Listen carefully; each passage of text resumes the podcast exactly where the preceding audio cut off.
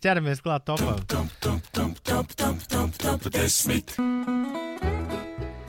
Tā un šorīt top desmitniekā mums ir desmit dīvainākās lietas, kuras tu esi nesis pa ielu.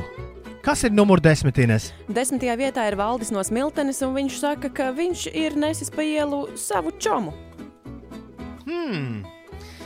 Devītajā pozīcijā anonīms klausītājs, kas reizes skolas laikos stūma ļoti pilnus iepirkuma ratiņus cauri vietējiem rajonam. Mašīna un tiesības tādā vecumā nebija. Ratiņus kā godīgi pircēji atgriezām, bet tā kauna sajūta, ka šķiet, ka visi iedzīvotāji uz tevi skatās.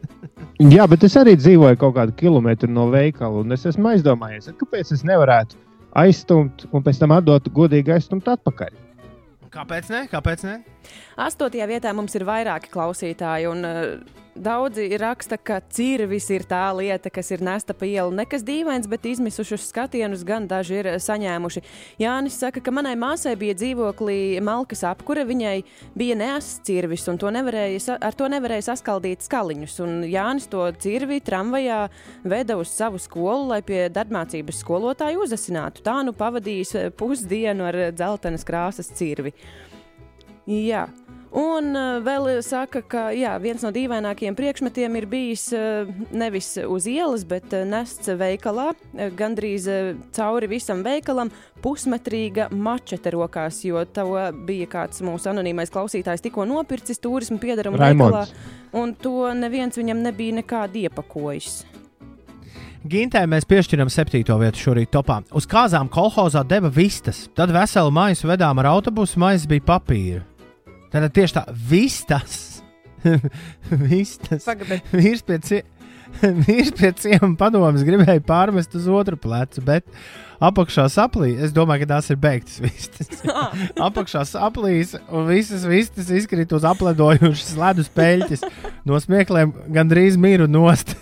Ginta, paldies! Brīnišķīgi septītā vieta topā. Sastajā vietā mums atkal kāds anonīms klausītājs uh, raksta, ka reiz ar draugu nesām koši zilu dīvānu pa čaka ielu. Pa ceļam apstājāmies trolēbusa pieturā un piesēdām.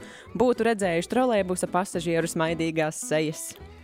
Lauma, mēs tev piešķiram piekto vietu. Lauma no mājas līdz ķīmiskajai tīrītavai vienu kilometru nesa vienu metru lielu un resnu lāci. Viegls nebija, bet garām braucēji visi smaidīja.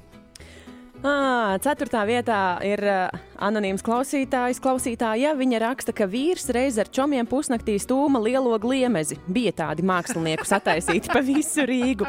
Jā, šo te gliemezi viņi stūma pa Rīgas centru gar brīvības pieminekli. Kāpēc? Nu, vienkārši bija kunga dušā un visiem likās, ka tas ir baigi jautri.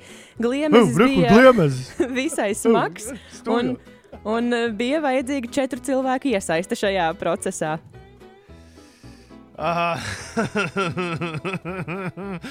Mēs ar vīru pa Valdemāru ielu, trešā vieta māra ir tev. Viņa raksta, mēs ar vīru pa Valdemāru ielu nesām neiepakotu putekļu sūcēju. Iemesls loģisks aizņēmāmies, lai izsūktu mūsu dzīvokli grīdu.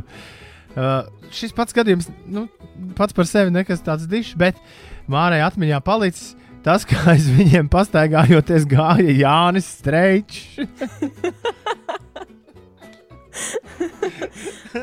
Tā ir zīme. Otrajā vietā ir Kaivas stāsts un vēl daži klausītāju stāsts. Kaiva reiz uh, alūksnes pusē redzēja stopētāju, kas stopēja automašīnas kopā ar leduskapi. Arī Mārtiņš raksta, ka leduskapis uz velo bagāžnieka piestiprināts un velo nevis uh, stūma, bet normāli pārvietojās pa brīvības ielu.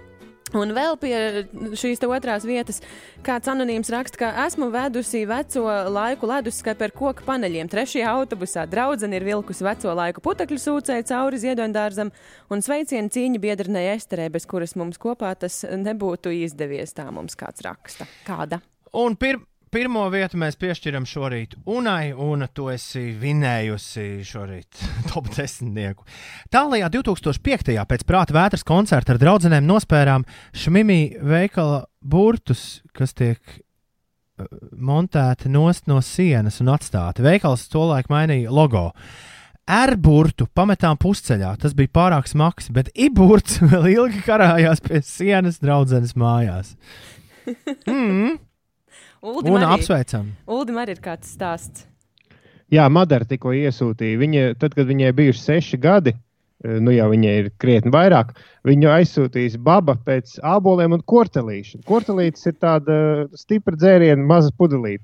Laukos tas bija Lubānā. Viņi nopirkusi to kortelītu un ābolus ar babas zīmi, jo viņi uzrakstīja zīmi, ka var bērnam sešgadīgam dots un saplīsis maisiņš. Tad viņi sakarājusi ābolu klēpī kā malku un vidu, virsū to pudelīti uzlikusi. Un visi ļoti dīvaini skatījās. Domāju, ka vainīgs mans vecums. Jā, tāds varētu būt.